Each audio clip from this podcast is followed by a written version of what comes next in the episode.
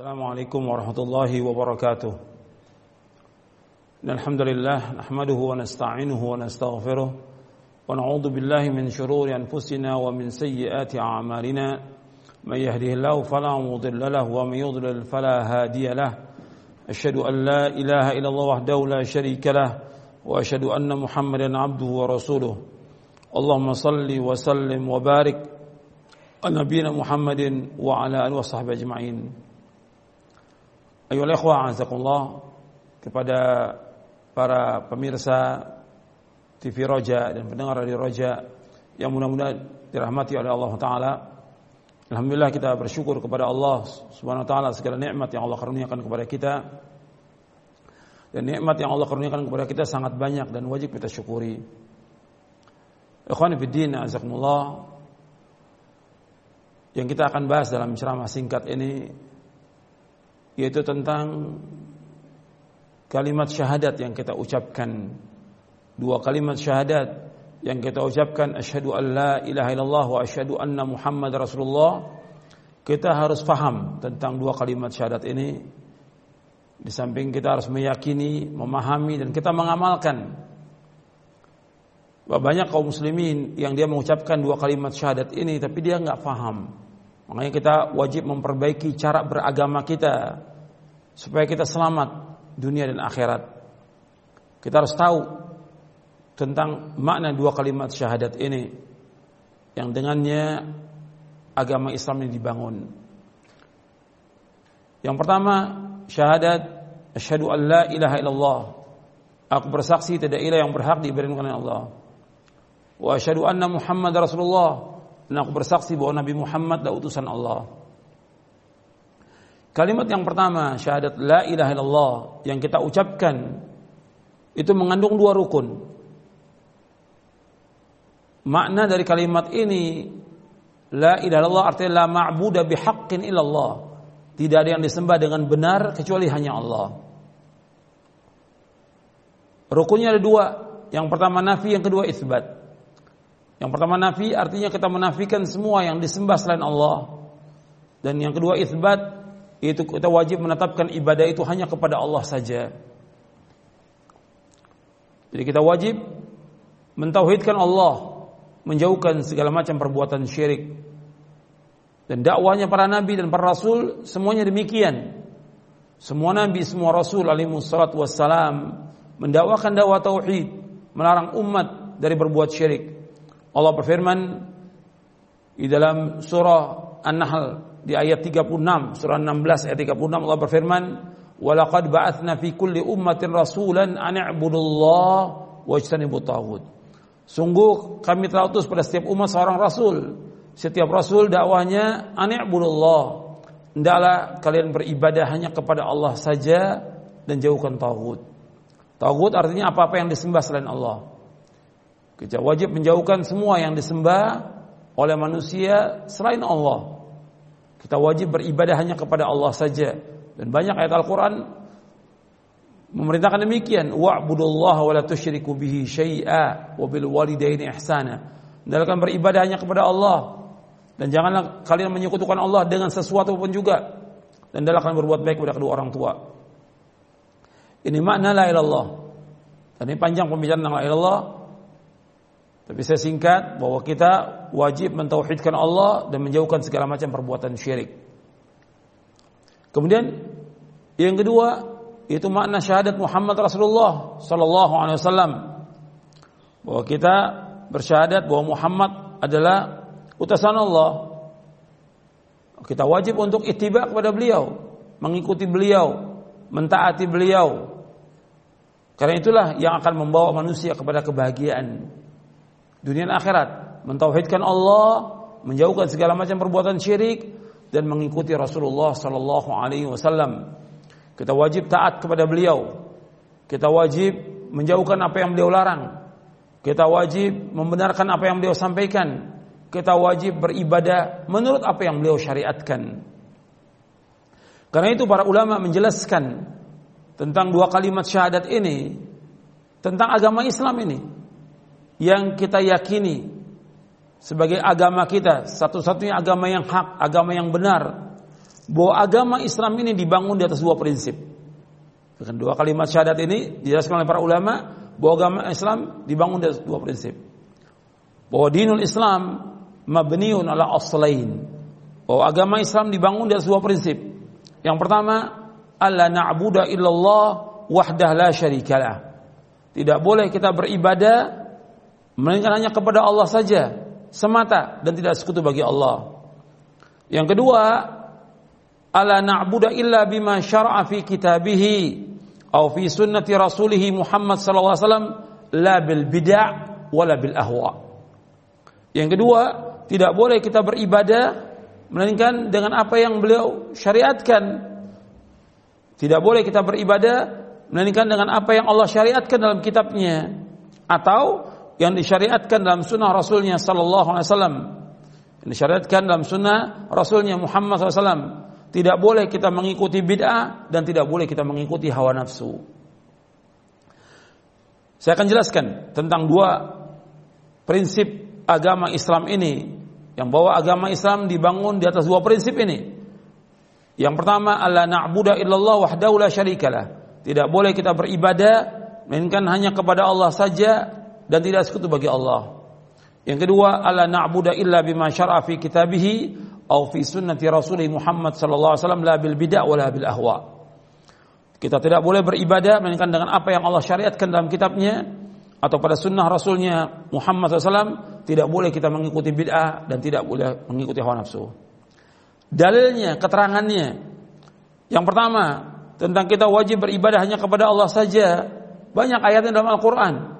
Seperti Allah berfirman di dalam surah Ali Imran ayat 64. Allah berfirman, "Qul ya ahlal kitab ta'alu ila kalimatin sawa'in bainana wa bainakum alla na'budu illallah wa la nusyrika bihi syai'a yattakhidha ba'duna ba'dan arbaba min dunillah fa in tawallaw faqulu syahadu bi anna muslimun."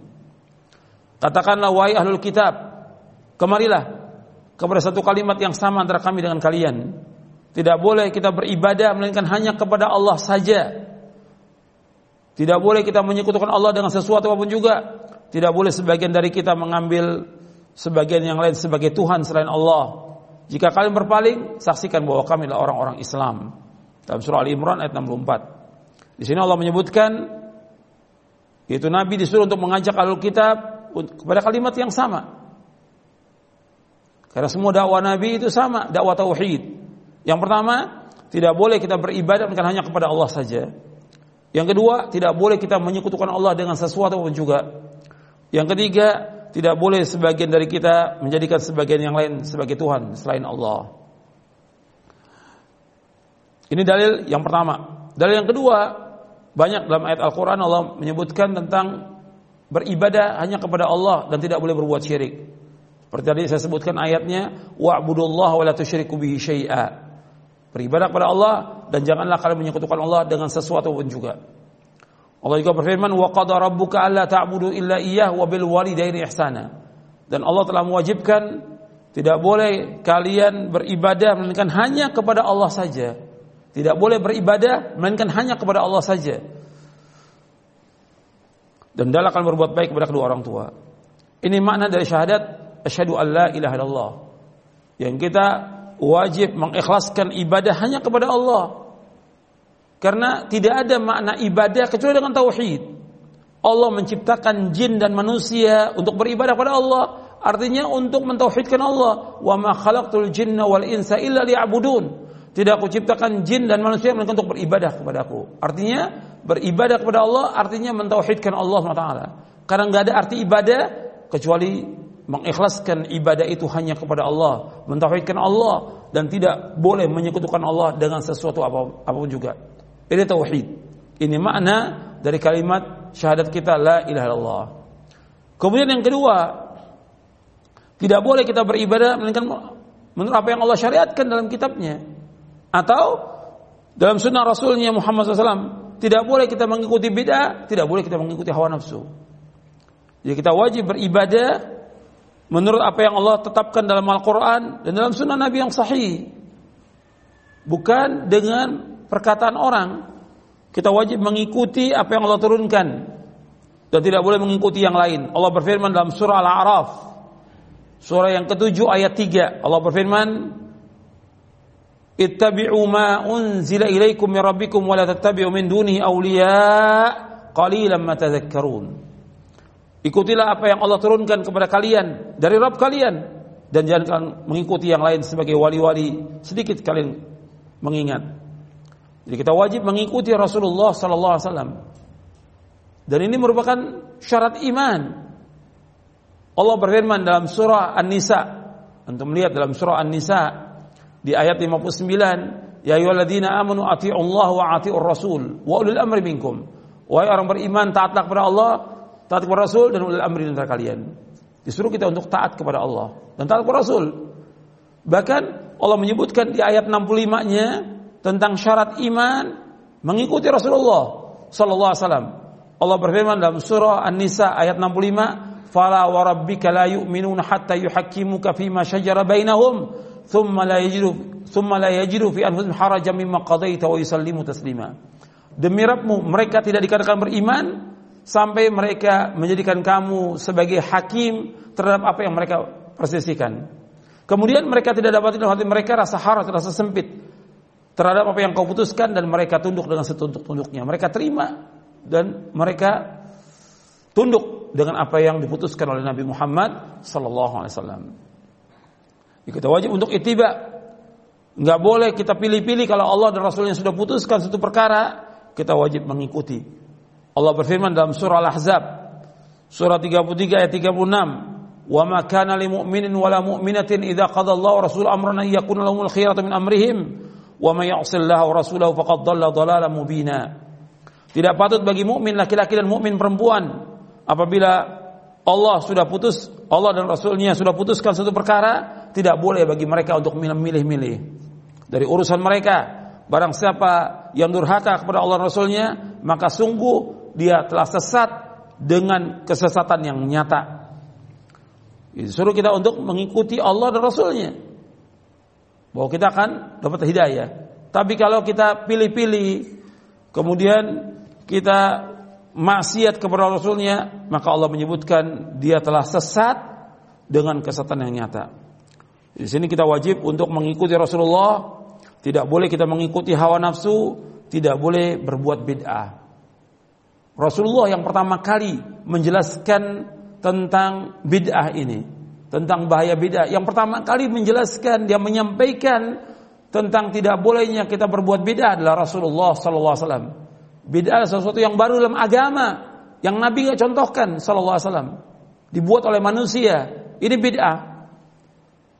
Makanya Nabi bersabda SAW, wa iyyakum wa muhdatsatil umur fa inna kulla muhdatsatin bid'ah wa kulla bid'atin dhalalah. Jauhkan diri kalian dari setiap perkara-perkara yang baru karena setiap yang baru adalah bid'ah dan setiap bid'ah adalah sesat. Hadis ini sahih Imam Ahmad, Abu Daud, Tirmizi dan yang lainnya. Jadi kita wajib mengikuti Rasulullah sallallahu alaihi wasallam. Bahkan orang mendapatkan petunjuk dan bahagia dengan ittiba Rasul. Dikatakan oleh Syekhul Islam Ibnu Taimiyah rahimahullah di dalam Majmu' Fatawa di juz yang ke-19 kata beliau, "Anna sa'adata wal huda fi mutaba'ati Rasul sallallahu alaihi wasallam wa anna dhalala wasyaqa'a fi mukhalafatihi." Bahwasanya kebahagiaan dan petunjuk dengan kita mengikuti Rasulullah sallallahu alaihi wasallam dan bahwasanya kesesatan dan celaka dengan sebab menyalahi Rasulullah sallallahu alaihi wasallam.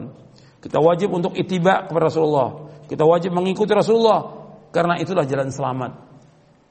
Kita ingat bahwa manusia akan sampai kepada Allah dan akan sampai kepada Allah dengan mengikuti Rasulullah SAW. Agama Islam ini sudah sempurna. Kewajiban manusia untuk itiba. Syarat ibadah, diterimanya ibadah dua. Yang pertama ikhlas karena Allah, yang kedua itiba. Nabi sudah jelaskan semuanya agama ini kewajiban kita untuk mengikuti. Nggak boleh kita berbuat bid'ah. Maka dijelaskan oleh Imam Ibnu Abil Iz Al-Hanafi. Kata beliau, "Fala tariqata illa tariqatur Rasul, wala haqiqata illa haqiqatuhu, wala syari'ata illa syari'atuhu, wala aqidata illa aqidatuhu, wala yasilu ahadun minal khalqi ba'dahu ila Allah." وإلى رضوانه وجنته وكرامته إلا بمتابعته باطنا وظاهرا. وما لم يكن مصدقا فيما أخبر ملتزما لطاعته فيما أمر في, في الأمور الباطنة التي في القلوب والأعمال الظاهرة التي على الأبدان لم يكن مؤمنا. فضلا أن يكون وليا لله تعالى ولو طار في الهواء ومشى على الماء. dijelaskan oleh Imam Ibn Abil Iz Al-Hanafi yang wafat tahun 792 Hijriah. Di dalam kitab Syarah Aqidah atau Hawiyah kata beliau tidak ada tariqat. Kecuali tariqat yang diajarkan oleh Rasulullah sallallahu alaihi wasallam. Tidak ada hakikat kecuali hakikat yang dibawa oleh Rasulullah SAW tidak ada syariat kecuali syariat yang dibawa oleh Rasulullah SAW dan tidak ada akidah kecuali akidah yang diajarkan oleh Rasulullah SAW dan seorang dari makhluk ini tidak akan sampai kepada Allah. Sesudah diutusin Nabi Muhammad tidak akan sampai kepada Allah. Dan tidak akan sampai kepada keridhaan Allah. Dan tidak akan sampai kepada sorga dan kemuliaannya. Kecuali dengan ittiba' kepada Nabi Muhammad SAW baik secara batin dan zahir. Dan barang siapa yang tidak membenarkan apa yang beliau kabarkan. Tidak konsekuen untuk taat kepada beliau dengan apa yang beliau perintahkan. Baik dalam perkara yang batin yang ada dalam hati maupun perkara yang zahir yang dilaksanakan oleh badan maka dia tidak dikatakan seorang mukmin apalagi dikatakan sebagai wali Allah meskipun dia terbang di udara meskipun dia berjalan di atas air dia tidak dikatakan wali Allah sampai dia mengikuti syariat yang dibawa oleh Nabi Muhammad sallallahu alaihi wasallam. Kita wajib untuk ittiba pada beliau. Ini makna dari syahadat asyhadu an la ilaha illallah wa asyhadu anna Muhammad rasulullah. Kita wajib mengikhlaskan ibadah hanya kepada Allah dan tidak boleh berbuat syirik dan kita wajib ittiba kepada Rasulullah SAW dan tidak boleh kita mengikuti hawa nafsu dan tidak boleh kita mengikuti bid'ah. Mudah-mudahan apa yang saya sampaikan bermanfaat untuk memperbaiki agama kita, cara beragama kita agar kita lurus dalam kita beragama dan kita selamat dunia dan akhirat. Mudah-mudahan bermanfaat untuk saya dan untuk seluruh kaum muslimin dan muslimat. Wassalamualaikum Nabi Muhammadin sallallahu alaihi wasallam subhanallahi wa bihamdik asyhadu an la ilaha illa anta astaghfiruka wa atubu ilaik. Wassalamualaikum warahmatullahi wabarakatuh.